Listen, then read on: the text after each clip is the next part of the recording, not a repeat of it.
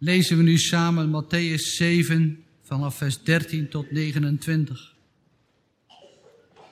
Gaat in door de enge poort, want wijd is de poort en breed is de weg die tot het verderf leidt. En velen zijn er die door dezelfde ingaan, want de poort is eng en de weg is nauw die tot het leven leidt. En weinigen zijn er die dezelfde vinden. Maar wacht u van de valse profeten, de welke in schaapsklederen tot u komen, maar van binnen zijn zij grijpende wolven. Aan hun vruchten zult gij hen kennen. Leest men ook een druif van doornen of vijgen van distelen? Alzo iedere goede boom brengt voort goede vruchten, en een kwade boom brengt voort kwade vruchten. Een goede boom kan geen kwade vruchten voortbrengen, noch een kwade boom goede vruchten voortbrengen. En iedere boom die geen goede vrucht voortbrengt, wordt uitgehouwen en in het vuur geworpen. Zo zult gij dan dezelfde aan hun vruchten kennen. Niet een iegelijk die tot mij zegt, Heere, Heere, zal ingaan in het koninkrijk der hemelen. Maar die dat doet, de wil mijns vaders, die in de hemelen is. Velen zullen te dien dagen tot mij zeggen, Heere, Heere, hebben wij niet in uw naam geprofeteerd en in uw naam duivelen uitgeworpen en in uw naam vele krachten gedaan? En dan zal ik hun openlijk aanzeggen, ik heb u nooit gekend. Gaat weg van mij, gij die de ongerechtigheid werkt. En iegelijk dan die deze mijn woorden hoort en dezelfde doet, die zal ik vergelijken bij een voorzichtig man, die zijn huis op een steenrots gebouwd heeft. Er is slagregen neergevallen en de waterstromen zijn gekomen en de winden hebben gewaaid en zijn tegen hetzelfde huis aangevallen en het is niet gevallen, want het was op de steenrots gegrond. En een iegelijk die deze mijn woorden hoort en dezelfde niet doet, die zal bij een dwaze man vergeleken worden, die zijn huis op het zand gebouwd heeft. En de slagregen is neergekomen, en de waterstromen zijn gekomen, en de winden hebben gewaaid, en zijn tegen hetzelfde huis aangeslagen, en het is gevallen. En zijn val was groot. En het is geschied als Jezus deze woorden geëindigd had, dat de scharen zich ontzetten over zijn leer. Want hij leerde hen als machthebbende en niet als de schriftgeleerden. Er zijn allerlei wegen die naar de hemel leiden, zegt men. Aantrekkelijke gedachten. Kun je het een beetje doen op je eigen manier. Met je eigen manier van leven. Maar de Heer Jezus heeft altijd gesproken van twee soorten van wegen, van twee soorten van mensen. U hebt het net gezongen uit Psalm 1. Er zijn mensen, u kunt kiezen bij welke u hoort, die wandelen in de raad der goddelozen. En er zijn mensen die lust hebben dat is hun blijdschap, hun levensvreugde en niet hun straf. Die lust hebben in het overdenken van de wet des Heren. Trouwens, in het Oude Testament was het ook al zo, want Jeremia zegt in Jeremia 21, er is een weg des levens en er is een weg des doods. Dus er is eigenlijk helemaal niets nieuws in de preken van de Heer Jezus als hij zegt het is één van twee. Het is of dit of dat. Het is zus of zo. En zo is het ook in de gelijkenis van de twee bouwers. Die staat aan het einde van de bergrede en die begint in Matthäus 5. Die hele lange, jongens en meisjes, die hele lange bergpreek, die begint met zaligsprekingen. Zalig zijn degenen die treuren, die verdriet hebben in hun hart vanwege hun zonden.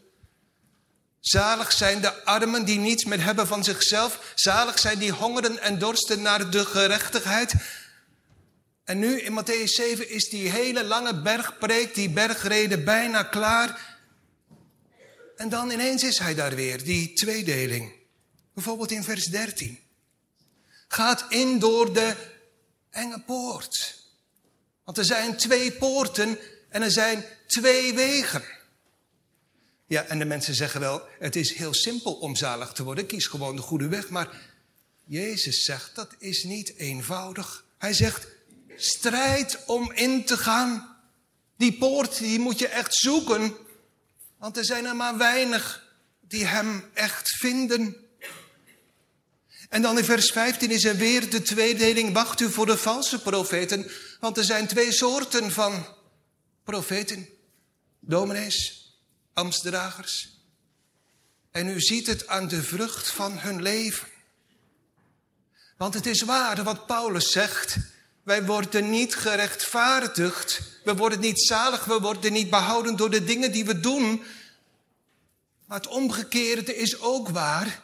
Je kunt geen kind van God zijn en geen ambtsdrager en geen profeet, geen dienaar van het woord, zonder vruchten voor te brengen van goede werken. En dan in vers 21 is er weer de tweedeling. Niet in ieder die tegen mij zegt met woorden, Heere, Heere zal ingaan in het koninkrijk der hemelen, maar die doet de wil van mijn vader. Er zijn twee soorten van claims uit de mond van de mensen, want er zijn er straks die zullen zeggen, Heere, Heere, we hebben in uw naam geprofiteerd, gepreekt, duivels uitgeworpen, krachten gedaan. En de mensen bevestigen het, ja, dat zijn gerespecteerde voorgangers. En wat is het hemelse antwoord tegen die voorgangers? Ik heb u nooit gekend. U sprak wel, maar uw werken waren werken van ongerechtigheid. En dan komt de gelijkenis. Die ook eenzelfde tweedeling heeft en die wij vanmorgen met elkaar overdenken in vers 24 tot en met vers 27. We lezen dat nog een keer samen. Maar de Heer Jezus zegt en eigenlijk dan die deze mijn woorden hoort en dezelfde doet, die zal ik vergelijken bij een voorzichtig man die zijn huis op een steenrots gebouwd heeft. En er is slagregen nedergevallen en de waterstromen zijn gekomen en de winden hebben gewaaid en zijn tegen dat huis aangevallen. En het is niet gevallen, het was op de steenrots gegrond. En een iegelijk die deze mijn woorden hoort en dezelfde niet doet, die zal bij een dwaze man vergeleken worden die zijn huis op het zand heeft gebouwd.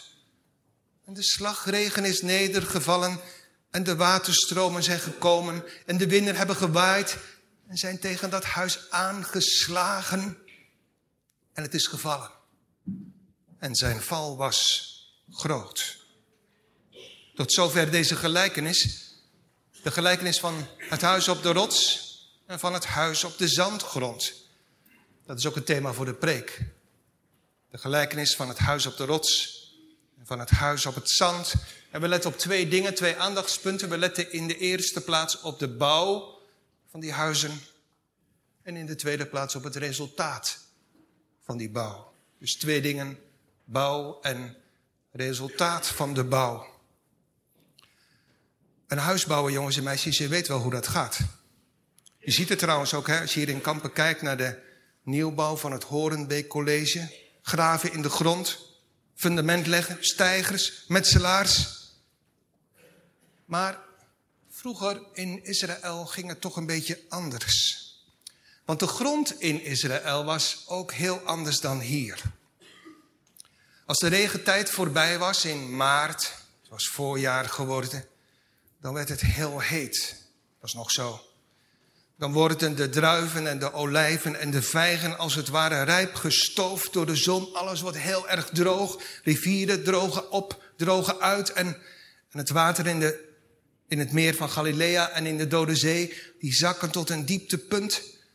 En de Jordaan is, wat anders een bruisende rivier is, is eigenlijk nog maar een miserig en modderig gekleurd stroompje water. En, en daar gaat het nu om, de grond wordt hard. De grond bestaat uit zand, uit kiezelsteentjes en stukjes steen en rots, maar die grond wordt heel erg hard. Dat is niet het zand van onze stranden, van onze duinen. Als je dat pakt, dan glijdt het zo tussen je vingers door. Nee, de grond is hard. Hier zouden wel een huis op kunnen bouwen. Nou, dat doet hij dus ook, die ene man. Die denkt, deze grond, dat is stevige grond. Het is hard, het is vlak, dat is prima bouwgrond. En hij tekent zijn huis op dat zand en gaat bouwen. De grond is hard. Het begint met de muren. Die muren waren niet zo sterk als tegenwoordig, want de Heer Jezus zegt op een andere plaats dat dieven de muren kunnen doorgraven. Die kunnen zelfs door de muur binnenkomen.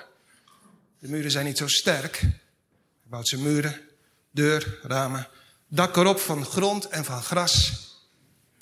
Klaar is Kees. Meubeltjes erin. Klaar.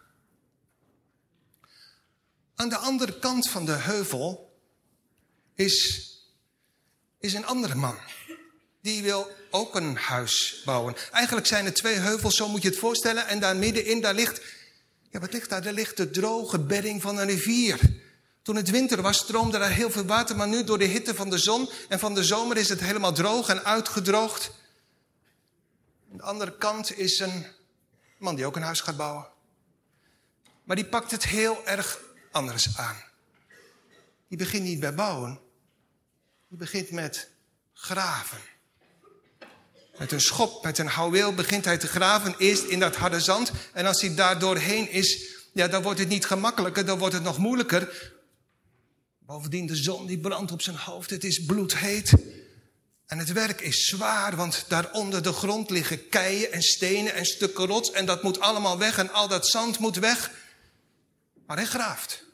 Steeds dieper. Lucas schrijft, hij groef en verdiepte. Steeds verder en verder onder de grond. Als je buiten kijkt, zie je aanvankelijk nog zijn hoofd misschien, maar later zie je hem helemaal niet meer. Zo diep is hij aan het graven totdat. Hoe diep moet hij nou graven? Totdat hij komt op een rotsteen. En dan kan hij echt niet meer verder. Hij stuit op de bodem van het gat dat hij gegraven heeft. En dan is het goed. Daar kan hij, zo heet dat, zijn fundament bouwen. De basis voor zijn huis, daar kan hij de muren straks gaan bouwen. Eerst moet die plaats natuurlijk nog helemaal vrijgemaakt worden. Dan kan hij straks daar zijn fundament leggen. Die man is al maandenlang bezig. Overdag is hij heel druk. Hij begint ochtends vroeg, hij werkt door tot avonds. S'avonds is hij doodmoe. Zijn buurman daar aan de andere kant, ja, die moet er wel een beetje om glimlachen.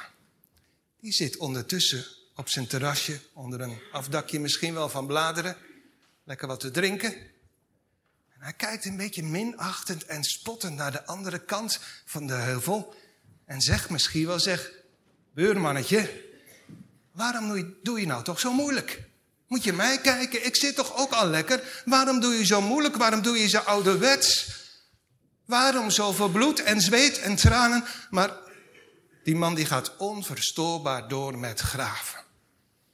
Totdat, ja, totdat hij eindelijk zijn fundament kan leggen en die beginnen kan met bouwen diep onder de grond.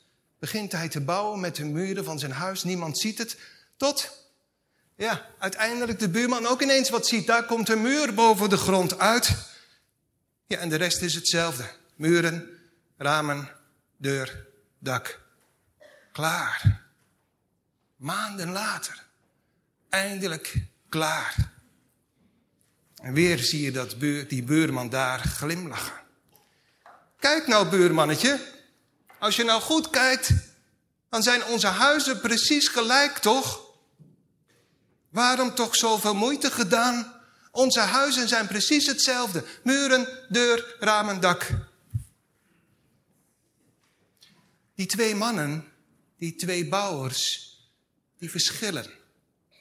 Ze verschillen heel erg, maar ze lijken ook wel een beetje op elkaar in twee dingen op zijn minst. Ze bouwen. Ze bouwen allebei een huis. En dat is logisch, want straks komt de regentijd en dan hebben ze natuurlijk een dak boven hun hoofd nodig. Wat dat betreft is er geen verschil. Er is geen verschil tussen de mensen die naar Jezus luisteren tijdens die bergpreek. Er is geen verschil tussen mensen die in de kerk zitten wat betreft horen. Horen doen we allemaal. En horen in deze gelijkenis is bouwen. Bouwen doen ze alle twee, horen doen we allemaal. Dus op één punt zou je kunnen zeggen, tenminste, is die dwaze bouwer, die domme bouwer, wel verstandig. Hij gaat in ieder geval bouwen. Ja, want er zijn ook mensen die helemaal niet bouwen. Er zijn ook mensen die helemaal niet horen en dat is nog veel dommer. Dat is nog veel dwazer. Het is verstandig, jongelui, dat je hier bent. En dat je luistert, dat je hoort. En het is goed dat je in je hart overtuigd bent van het feit dat je bekeerd moet worden. Dat je met God verzoend moet worden. En dat je een ziel hebt die op reis is naar de grote eeuwigheid. Maar het is wel dwaas. Je denkt dat het horen alleen voldoende is. Dat dat genoeg is. Het is wel dwaas dat je denkt dat het genoeg is dat je naar de kerk gaat. En dat je een beetje meedoet en meezingt en meeluistert. Het is dwaas als je denkt dat dat genoeg is. Trouwens, die twee lijken op nog een ander punt op elkaar. Dit punt, wat ik u net zei, ook die huizen zien er voor het oog precies, echt precies hetzelfde uit. Leven van een bekeerd kind van God, en dan heb ik het over ons kerkmensen, lijkt misschien wel voor het oog op het leven van een onbekeerde kerkganger. Misschien zegt die laatste wel, ik ben nog veel netter. En het leven van een onbekeerde kerkganger lijkt voor het oog heel wat. Maar dat zegt dus niet alles. Ik zeg u vanmorgen, dat zegt dus helemaal niets. Er zijn overeenkomsten, maar de verschillen zijn des te groter. En dat verschil is wat staat in vers 24 en 26. Daar zegt de Heer Jezus, er zijn twee soorten van mensen. Er zijn mensen die horen en doen. En er zijn mensen die horen en helemaal niet doen. Bouwen is horen. Ja, dat deed die domme man ook, die domme bouwer. Maar dat is niet genoeg. We moeten meer horen en doen, zegt Jezus. Bouwen en graven. Het grootste verschil tussen die twee bouwers is dat de een graaft en de ander niet. En daarom is het werk van die ene zo moeilijk en duurt het zo lang en is het zo zwaar. En daarom is het werk van die ander zo gemakkelijk. Die wijze bouwer die doet, die graaft. En als die graaft, dan komt hij van alles tegen. Als die graaft in zijn hart, want dat is de betekenis van deze gelijkenis, dan komt hij van alles tegen in zijn hart en vooral zonde. En dat doet hem diep verdriet en berouw. En het leidt tegelijkertijd tot bekering en tot levensvernieuwing. Gravers, dat zijn die mensen die al gravend het binnenste en het diepste van hun hart tegenkomen. En dat maakt hen klein en ootmoedig. En dat breekt hen voor God. Dat breekt hun trotse hart. Ze worden verslagen van geest als ze afdalen in de diepte van schuld, besef, van berouw en boetvaardigheid. Als ze hun hart onderzoeken tot op de bodem. Bekering is niet alleen horen terwijl je in de kerk zit, maar bekering begint met, met dat moeilijke werk van graven.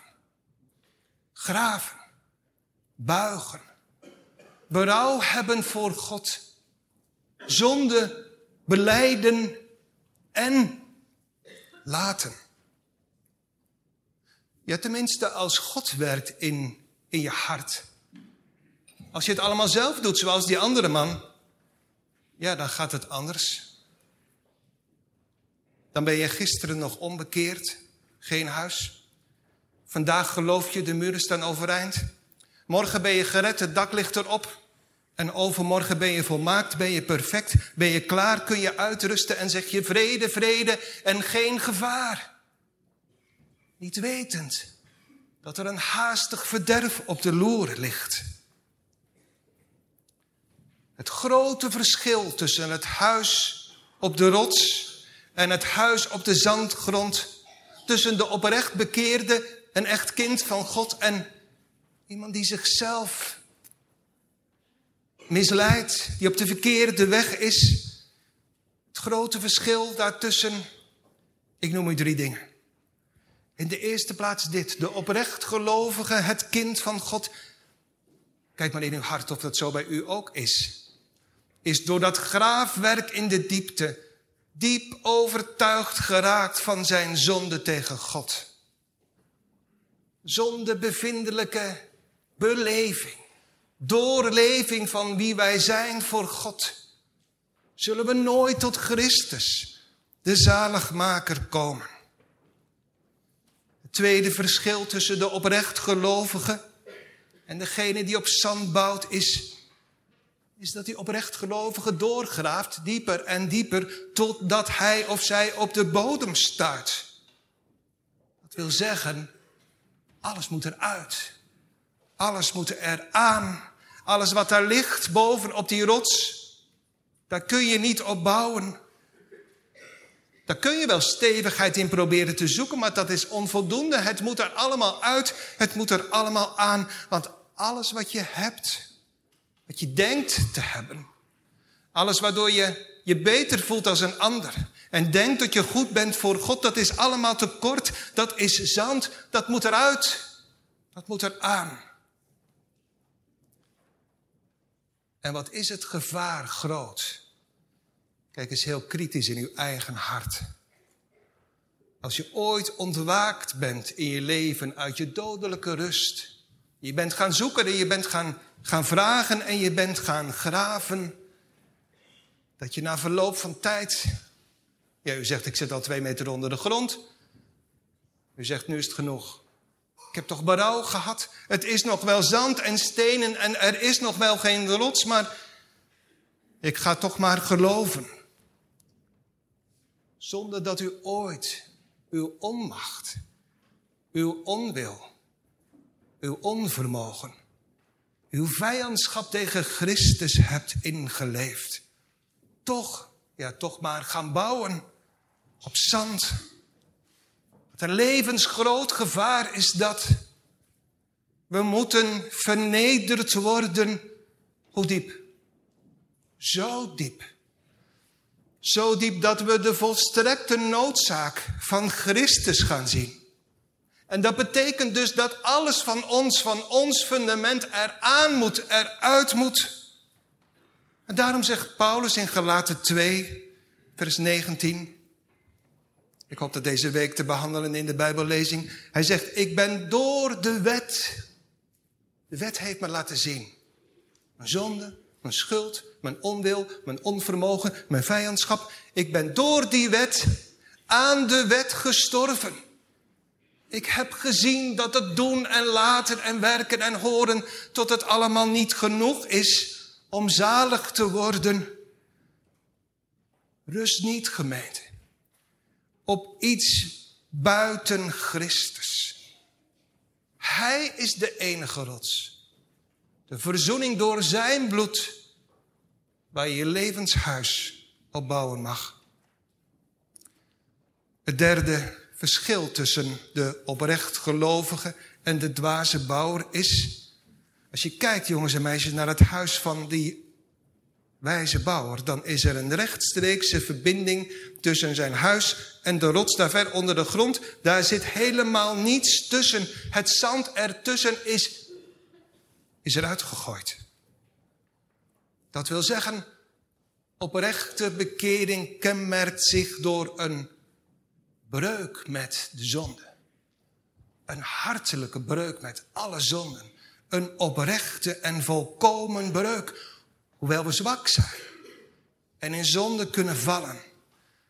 Maar het kan niet zo zijn dat je zegt, mijn huis staat gebouwd op de rots. Maar mijn leven lust, rust, misschien wel door de week, ondertussen toch ook nog op het zand van de zonde. Dat is onmogelijk. Het is onmogelijk dat je zegt, ik ben een kind van God. Maar door de week, ja, dat ben ik op zondag. Maar door de week vermaak ik me de hele week met lege programma's en films en met plat amusement en met vermaak en eten en drinken en vrolijk zijn en uitgaan. Ik leef mijn eigen leven alsof, alsof God niet bestaat. Dat leven bewijst dat je zondagse huis, wie je ook bent en wat je ook zegt, op zand gebouwd is. Want het gaat erom hoe je leeft. En dat zeggen niet de remonstranten. En dat zeggen geen andere kerken, maar dat zegt Jezus Christus, die zegt, die deze mijn woorden hoort en dezelfde doet. Je daden maak je niet bekeerd. Door een goed leven word je niet met God verzoend. Maar je daden maak je wel bekend. Laten zien wie je bent in het binnenste van je hart. En je kunt werkelijk geen kind van God zijn. Je kunt niet bekeerd zijn zonder een leven met de Heer, gericht op de Heer, voor de Heer. Dat heeft de Heer Jezus zelf gezegd. Die deze mijn woorden hoort en doet. Dus wat maakt het verschil? Er zijn mensen die horen en doen en er zijn mensen die horen. Het verschil wordt gemaakt door doen. En dat doen is, ja wat die man doet, graven, zand eruit, fundament leggen en daarop bouwen. Wat er daar aan die kant van de rivierbedding onder de grond gebeurt, dat maakt het verschil. Het verschil in de kerk wordt niet gemaakt door de kleine verschillen, die ik natuurlijk ook wel zie als ik u aankijk. Door de kleine verschillen in overtuiging, in voorkeur, in kerkelijke positie, een beetje meer zus of een beetje meer zo. Het verschil wordt uiteindelijk gemaakt waar niemand ons ziet. In de eenzaamheid. Dat heeft Paulus gezegd in Romeinen 2. Hij zegt, die is een Jood. Ik zeg, die is een kind van God, een oprecht christen, die in het verborgen is. En de besnijdenis van je hart, in de geest en niet in de letter, is de besnijdenis. Wiens lof niet is uit de mensen, zegt Paulus, maar uit God. Want God die in het verborgen ziet, zal in het openbaar vergelden. God die in de eenzaamheid ziet. Waar ik worstel op mijn knieën voor God. En waar mijn schep, mijn houweel, alles verbrijzelt van mezelf. Waar er niets van overblijft. De eenzaamheid waar ik mijn, mijn zonden, ook mijn verborgen en onzichtbare zonden, de, de deur uitgooi. Je ziet het voor je, jongens en meisjes. Die man die graaft in dat gat. Je ziet hem helemaal niet meer. Maar wat je wel ziet, iedere keer zie je daar zo'n schep zand bovenuit vliegen. Eruit. Die zonde van je leven. Ook en vooral die stiekeme zonden. Die niemand ziet. Dat je voor jezelf porno zit te kijken. S'avonds laat als je vrouw en je kinderen er niet zijn. Of, even erg, dat was overspel even erg als je altijd zit te roddelen over andere mensen in de gemeente. Vals getuigenis. Of, of even erg als je altijd je tijd maar vult met je eigen hobby en met je computer of wat dan ook. Overspel, vals getuigenis, afgoderij. Onzichtbaar, onopgemerkt. Maar je kunt God niet dienen en de zonde dienen. Dat zand, dat moet eruit. Want je vindt nooit de bodem. Je vindt nooit Christus. als je de zonde laat liggen. Je vindt nooit de bodem. Je komt nooit tot Christus. Als je de zonde laat liggen in je leven. Dat is het woord van Christus. Die niet enkel zei geloof het evangelie, maar die zei bekeert u. Weg die zon. En gelooft het evangelie eruit dat zand. Eenzaam worstelen voor God. Onder de grond. Ja, dat deed die ene bouwer, terwijl die andere in de eenzaamheid misschien wel rustte en dankte. Dank u, Heer, dat ik niet ben zoals die en zoals die en zoals die. Of, ja, misschien had hij helemaal geen eenzame plaats. Hij rustte in wie hij was. Hij rustte in zijn eigen werk. Kijk eens dat mooie huis wat ik gebouwd heb. Ja, en ondertussen kan het zijn. En ik zeg dat ook tegen mezelf. Dat iedereen je erkent als een kind van God. Maar dat je in de hemel onbekend bent, omdat God u nooit ziet in de eenzaamheid op uw knieën voor God, om uw zonde te beleiden en te vragen om een nieuw en geheilig leven. Onbekend in de hemel en straks zal het klinken, ik heb u nooit gekend. Dat kan als je in de bank zit in de kerk. Dat kan als je in het bankje vooraan zit en dat kan als je hier staat. Grijpende gedachten. Wel wat woorden gesproken en wel geluisterd, maar dat de hemel zegt en dat God, de rechtvaardige rechter in de hemel zegt, ik heb u nooit gekend. Weet u wat het bijzondere, bijzondere is van deze gelijkenis eigenlijk? U kunt, en dat hoeft vanmorgen helemaal niet zo moeilijk, u kunt eenvoudig weten hoe het met u staat op reis naar de eeuwigheid. Kijk maar in uw hart en trek er vooral een conclusie uit voor de Heer. En maak werk van het moeilijke werk van uw zaligheid.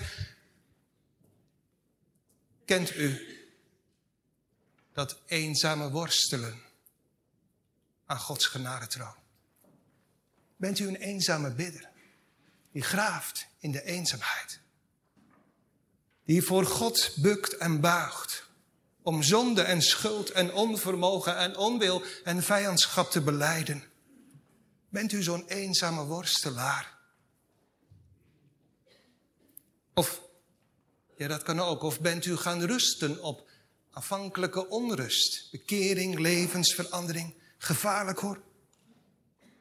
Bent u een eenzame worstelaar en, en hebt u de zonde uit uw leven uitgeworpen alles eruit. En bent u rusteloos doorgegaan totdat, ja, en daar ligt dan uiteindelijk toch het beslispunt, totdat u stuitte op het fundament. Het vaste fundament, de steenrots Christus Jezus. Is Hij uw hoop geworden? Uw troost, uw houvast op weg en reis naar de grote godsontmoeting? U zegt ja. Dat is mijn hart. Ik zeg het van harte, zo is mijn verborgen leven voor de Heer. Maar weet u wat mijn probleem is? De bouw van dat huis wil maar niet vorderen. Geen nood. Laat die buurman maar lachen. Hij die zijn goede werk, worstelaars, eenzame worstelaars, aan de troon van Gods genade, die zijn goede werk in u begonnen is, zal dat voleindigen tot op de dag van Jezus Christus. Want u hebt, zegt Paulus tegen Timotheus en zeg ik tegen u, voor uzelf een goed fundament gelegd tegen het toekomende. Maar u die van geen worsteling weet, wees eerlijk vanmorgen tegenover de Heer. U die die worsteling niet kent, die geen tranen kent in uw hart vanwege uw schuld voor God. En u die stiekem, terwijl niemand het ziet hier, toch de zonde aan de hand houdt. Ja, u rust in dat mooi ogende huisje wat u gebouwd hebt van uw liefde en van uw werk en van uw netheid en ijver. Maar u hebt reden om bezorgd te zijn. Ik zeg u vanmorgen, u hebt reden om bang te zijn. Ik zou dat huisje maar snel afbreken. En ik zou maar snel gaan graven, want het houdt geen stand. Want u roept wel vrede, vrede en geen gevaar. Maar een haastig verderf kan u zelfs op deze dag overkomen. Als de stormen van de Almachtige over uw leven gaan. En de vloed van Gods toren zal gaan knagen aan het fundament van dat huis wat gebouwd is op zand. Als de dag van de grote rechtsbeslissing komen zou, blijft u niet staan. Twee huizen. Het ene huis werd na veel moeilijkheden zichtbaar gebouwd op een rots.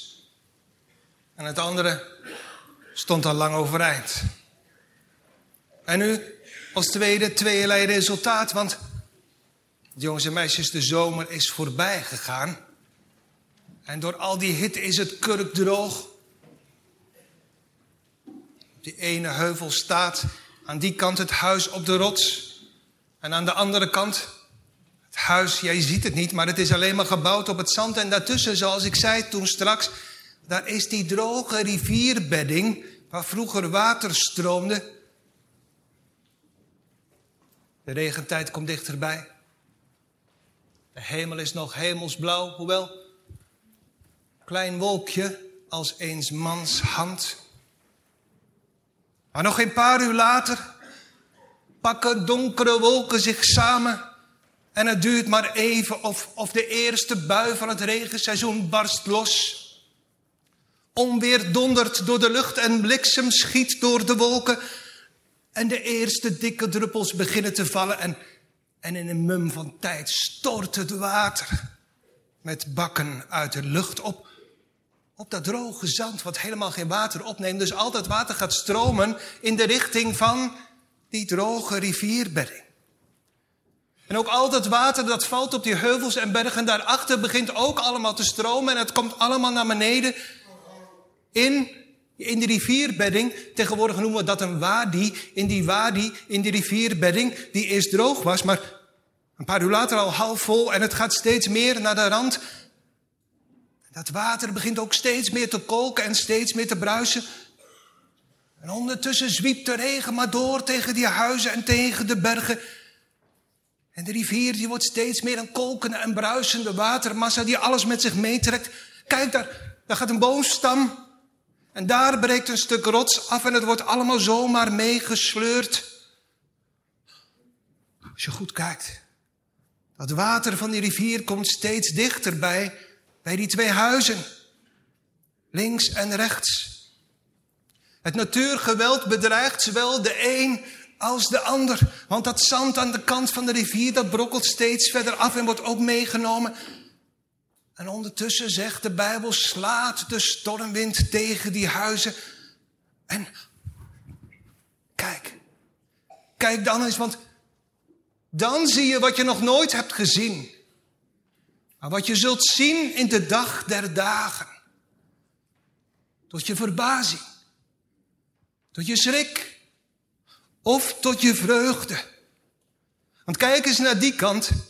Terwijl dat zand meegespoeld wordt en meegezogen wordt door die kolkende en bruisende watermassa, blijkt ineens dat huis vele malen groter te zijn dan gedacht. Want die muren, die gaan door. Die, je ziet het steeds meer, die gaan helemaal door tot op het fundament, tot op de rots. En het water spoelt en de storm inslaat. Maar dat huis dat staat muurvast, rotsvast, op de rots daar, diep onder de grond, terwijl al het zand wegspoelt. Kijk eens naar die kant. Ook dat water spoelt weg. En het komt steeds dichter bij dat huisje en je ziet het. Het begint te wankelen, er komt een scheur in de muur. De eerste muur valt en het dak zakt in. En het is, het is eigenlijk maar een mum van tijd en dan wordt heel dat huis meegesleurd door die kolkende watermassa met alles en iedereen daarin. En er is niks meer. Daar staat een huis, hoog op een rots. Daar is niets. Weg.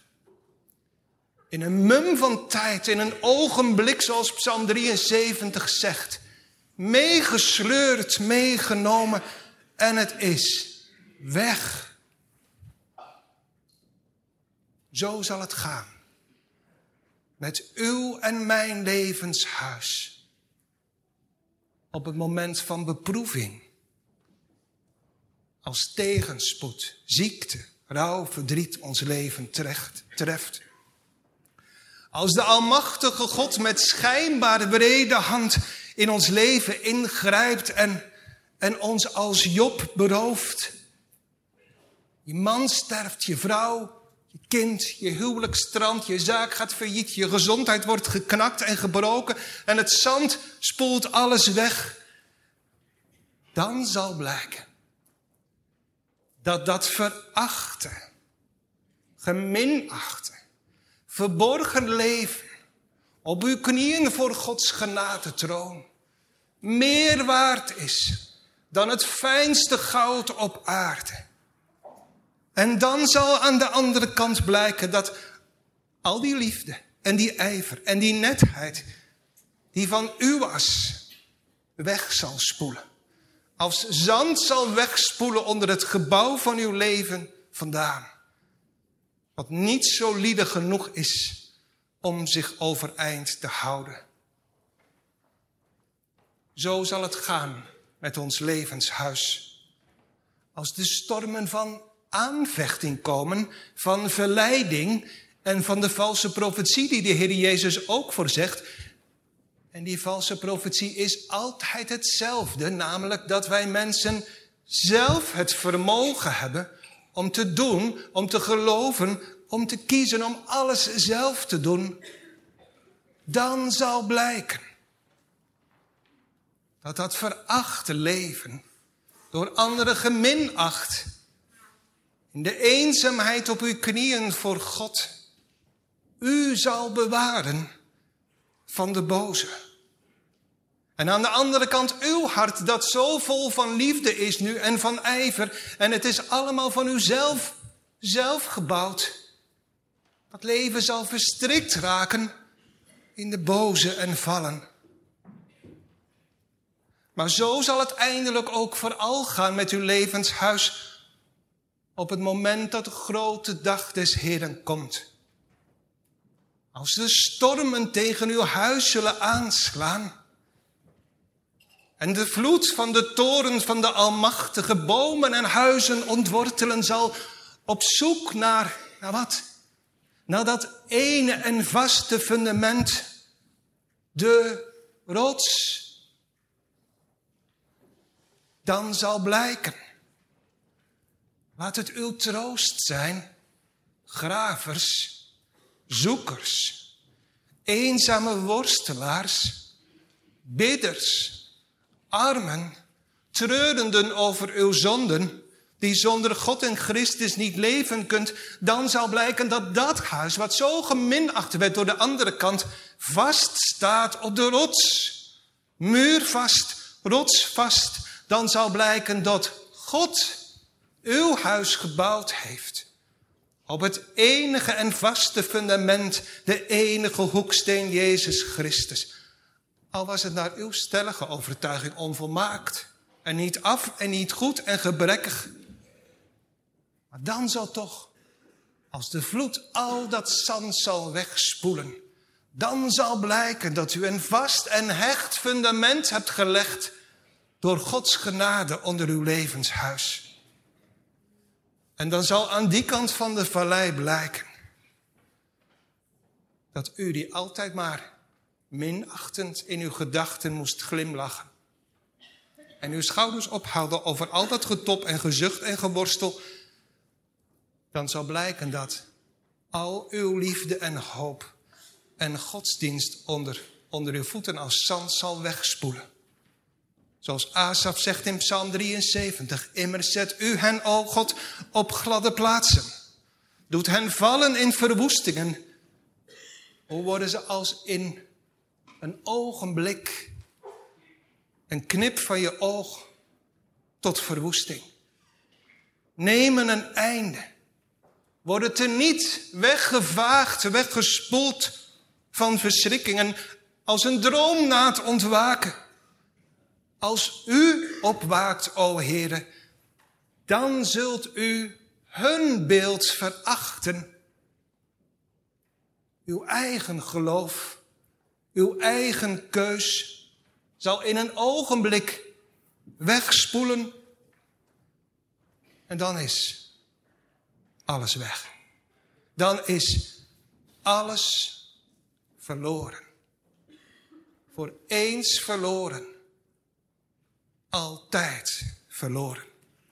Dat staat er. Het huis is gevallen en zijn val was groot. En daarom zeg ik tegen u vanmorgen, lieve vrienden in kampen, wees gewaarschuwd. De dag des Heeren zal komen als een dief in de nacht.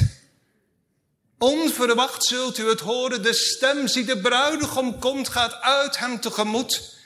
En dan hebt u geen tijd meer om dat huisje af te breken en hier te gaan graven en nog te gaan een fundament op de rots te gaan leggen.